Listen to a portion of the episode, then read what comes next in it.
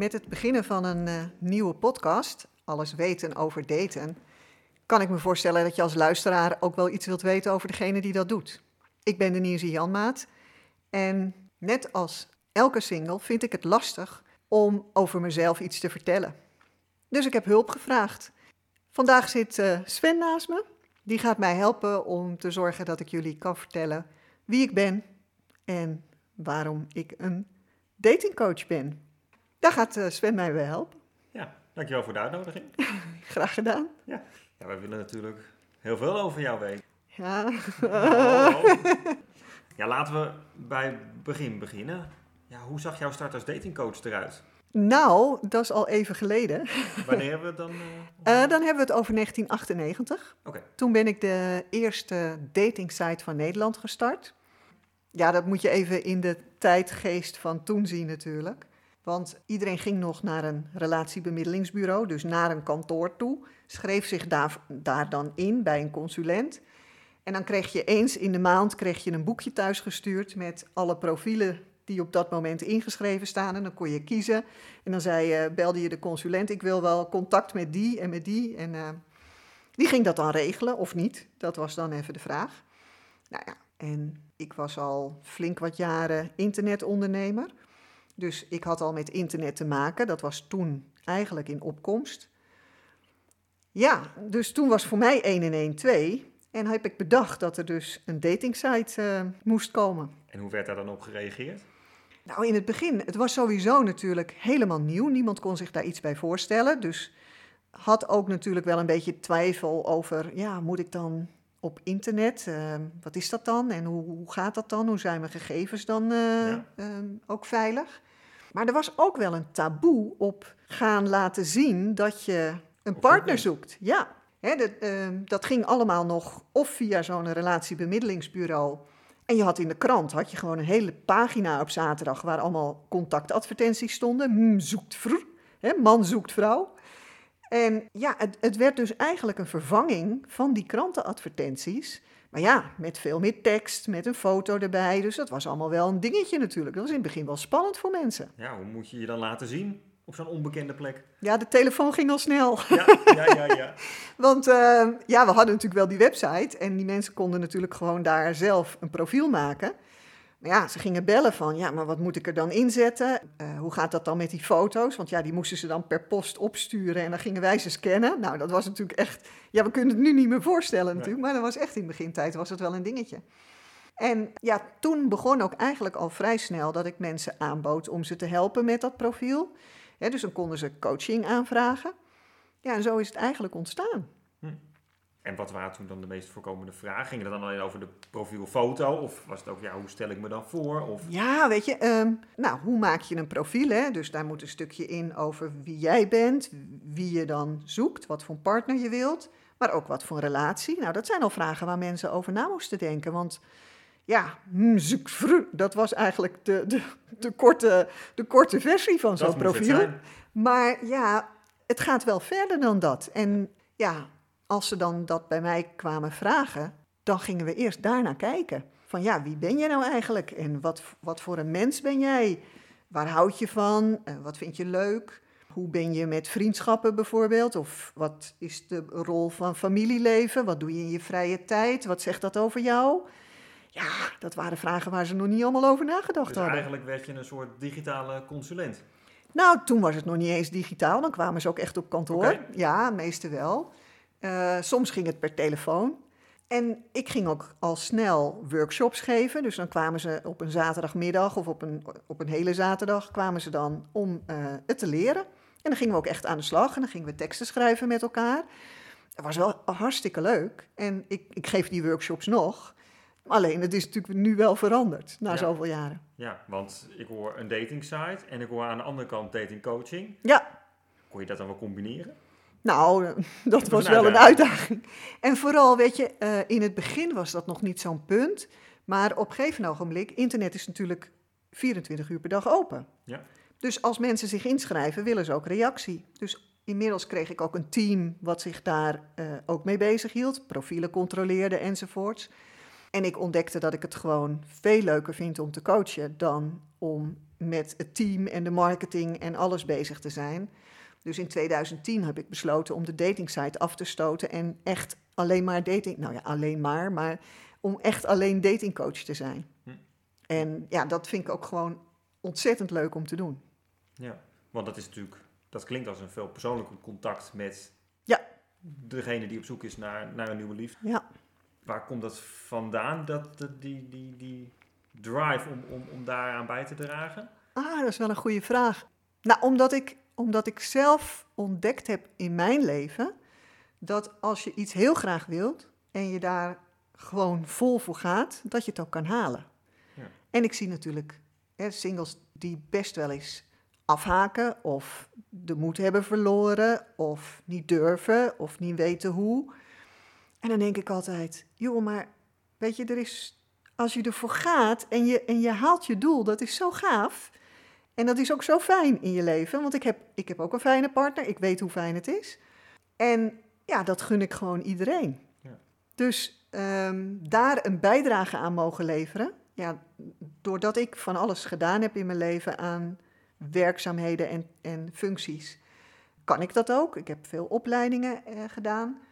En ja, dat zorgt ervoor dat ik het kan. En daarom vind ik het ook heel leuk om dat door te kunnen geven aan mensen die dat eh, goed kunnen gebruiken. Ja. Dus je zegt, ik, ik weet daar heel veel van. Ja, Mm, heb je ook ervaring met die blokkades, met die... oh zeker. Ja, ik bedoel, mijn levenspad is ook niet over rozen gegaan. En mijn liefdespad ook niet. Nee, nee.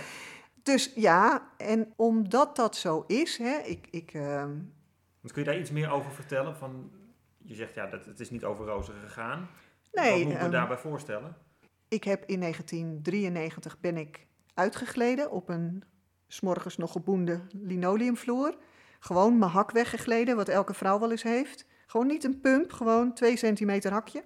Nou, daar ben ik zo goed gevallen, om het dan maar even zo te zeggen, dat ik in een rolstoel zit.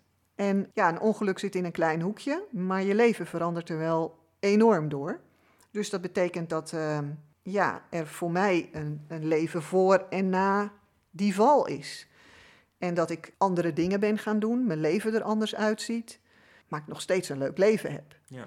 Maar dat betekent wel dat van, je, van mijzelf gevraagd is om door te zetten, te blijven vechten voor wat ik wilde bereiken. En ook nou, enorm heb moeten doorzetten op al die momenten dat ik het even zwaar vond. ja. Maar je zegt, mijn leven is daardoor veranderd. Is jouw liefdesleven daar ook door veranderd? Nou, een, een jaar na die val is eh, mijn toenmalige vriend verongelukt in een auto-ongeluk. En ehm, nou, bij alles wat ik toen al op mijn bordje had, was dat veel. Ja. Daar was ik ook echt heel erg door uit het lood geslagen. Maar ja, weet je, het leven gaat toch weer verder. En ik, ik heb inmiddels wel zoiets van, ja, je moet, je moet er zelf wat van maken. En inmiddels heb ik een, alweer 26 jaar een hele lieve partner. Daar ben ik gewoon hartstikke blij mee. Dus het kan. Eh, zelfs als je in een rolstoel zit, zelfs als je beperkingen hebt, kun je die partner vinden. En ik denk dat dat ook is wat ik met singles heel graag doe. Ze laten zien dat het gewoon kan. En, en ik ben daar dan misschien ook wel onbewust voor sommigen een voorbeeld in. Dat ik dat ook gewoon waar heb gemaakt in mijn leven. Want zag jij het zelf, zag je jouw beperking ook als een drempel in het op zoek gaan naar een nieuwe relatie? Nou, ik had wel zoiets van, gaat iemand daar nog voor kiezen? Ja. Want eh, kijk, als je een relatie hebt en het gebeurt met een van beiden, dan is dat toch anders als dat je aan het daten bent en vrij mag kiezen. Ja. Kies je dan je die single? naar op zoek?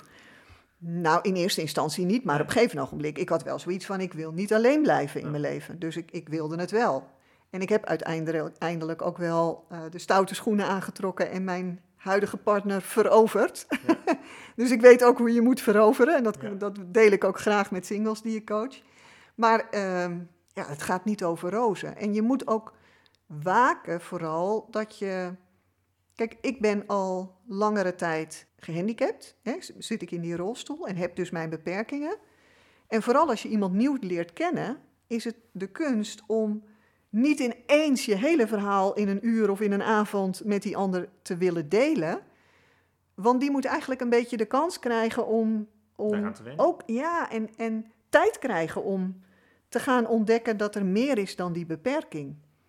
En te ontdekken wat voor een mens je bent en, en waarom je het waard bent om ontdekt te worden. En dat, ja, dat, dat, dat merk ik, dat singles, of het nou een verhaal is over een beperking, een haakje zoals ik dat noem. Maar iemand met een ochtendhumeur heeft ook wat te vertellen. Hè? Want die moet ook even uitleggen hoe dat dan is morgens. Dus ik zie een beperking niet per se als een handicap, maar ik zie een beperking als een haakje, zoals ik het noem. En iedereen heeft eigenlijk wel iets te vertellen. Of je nou ehm, misschien een keertje depressief bent geweest in je leven, of een, ja, een vervelende scheiding achter de rug hebt, of misschien ook het verlies kent van, eh, van iemand die je dierbaar is, maar misschien ook borst geamputeerd, of impotent geworden, of een hoor, gehoorprobleem uh, hebben. Het kan van alles zijn. Maar het kan ook gewoon zijn dat je tegenslag in het leven hebt gehad waar je mee hebt te dealen. Ja, wat die ander wel moet weten, maar niet in de volle strekking Ja. ineens hoeft te horen. En hoe je dat met elkaar doseert en hoe je elkaar daarin meeneemt. En nou, dat zijn best vaak dingen die ik met singles bespreek, ja. Hm. En dat is natuurlijk wel omdat ik die ervaring ook heb. En jij geeft ook aan van, dat is natuurlijk een, een traject waar, waar je echt de tijd voor moet nemen. Ja. En gaandeweg leer je elkaar natuurlijk beter kennen. Leer je andere dingen van elkaar kennen. Wat kunnen we van jou voor de rest nog ontdekken? Wat, wat, Poeh. wat, ja, kijk, eh, om het niet te zwaar te maken. Hè, de, de, jij hebt nu een hartstikke leuk leven. Dat geef je jou ook al eerder Ja. aan. Ja, waar, waar geniet jij van? Oh, van heel veel. Ehm, nou, ik ben geboren in Amsterdam, dus ik ben een echte Amsterdamse. Ja. Eh, en ik, ik hou ook van het, van het leven van een Amsterdamse. Dus eh, ik ben voor Ajax. Oh, oh. Dus als Ajax speelt, Ja. eh, vind ik het leuk om te kijken en eh, hoop ik dat ze winnen. Maar ik, ik vind Formule 1 kijk ik ook graag. En daarnaast, ja, weet je, een, mooi boek lezen of lekker even in de, in de zon zitten of een wandeling door de duinen. met een rolstoel natuurlijk, maar ik noem dat ook een wandeling. Ehm, maar met, met vrienden een avondje lachen, maar ook bomen over allerlei onderwerpen. Ja, ik, ik kan van heel veel genieten. Want genieten zit denk ik vooral in die kleine dingen waarvan je denkt... Hm, het was gewoon fijn vandaag, weet je? Dat. Ja. Ja. En wanneer je dan iemand coacht, ga je daar dan ook naar op zoek? Ja. Ik wil de twinkeling in die ogen van die single zien. En ik ga met ze uitwerken hoe ze dat op, in hun profiel kunnen samenvatten. Maar ook hoe ze dat kunnen laten zien als ze op date gaan. Want weet je, die twinkeling in je ogen of in je stem, die zorgt dat een ander voor je valt. Ja. Als een blok. Die denkt, wat een leuk verhaal. Of wat, wat eh, ziet ze er leuk uit. Of wat, wat is hij galant of charmant. Of, weet je, er is altijd wel iets waar je voor valt. En dat veroorzaakt een twinkeling. En die twinkeling, ja, dat is, een, ja, dat, dat is iets magisch. Dan, Ja. dan val je voor iemand. Dus dan eigenlijk, ja, het, het gaat om het verhaal. Ja. Hoe mooi of hoe ingrijpend dat misschien ook is. Ja, en je, je moet het ook vooral niet anders maken dan dat het is, hè? Maar je kunt er wel van meerdere kanten naar kijken. Ja. En het is maar wat je dan gaat beschrijven. Kijk, als ik nu single zou zijn en eh, een profiel op een site zou moeten zetten, kan ik natuurlijk zeggen, ja, ik zit in een rolstoel en kan niet zoveel. Ja, weet je, ik denk niet dat ik veel reacties krijg. Nee. Maar aan de andere kant heb ik zoveel dingen waar ik gepassioneerd over ben, waar ik, waar ik enthousiast over word, waar bij mij die twinkeling in mijn ogen ehm, eh, zichtbaar wordt. Ja, die moet ik juist gaan beschrijven. En dat ik dan ook nog in een rolstoel zit, ja, ja, kan ook een gebroken teen hebben, maar ehm, weet je, het, het gaat erom dat je mij ziet in plaats van net dat ene haakje wat er is. Bedankt dat je dit allemaal wilde delen. Ik denk dat we nou ja, meer over jou te weten zijn gekomen en wat jou Ja. drijft. Ehm, ik wens je heel veel succes met deze podcast. Dankjewel.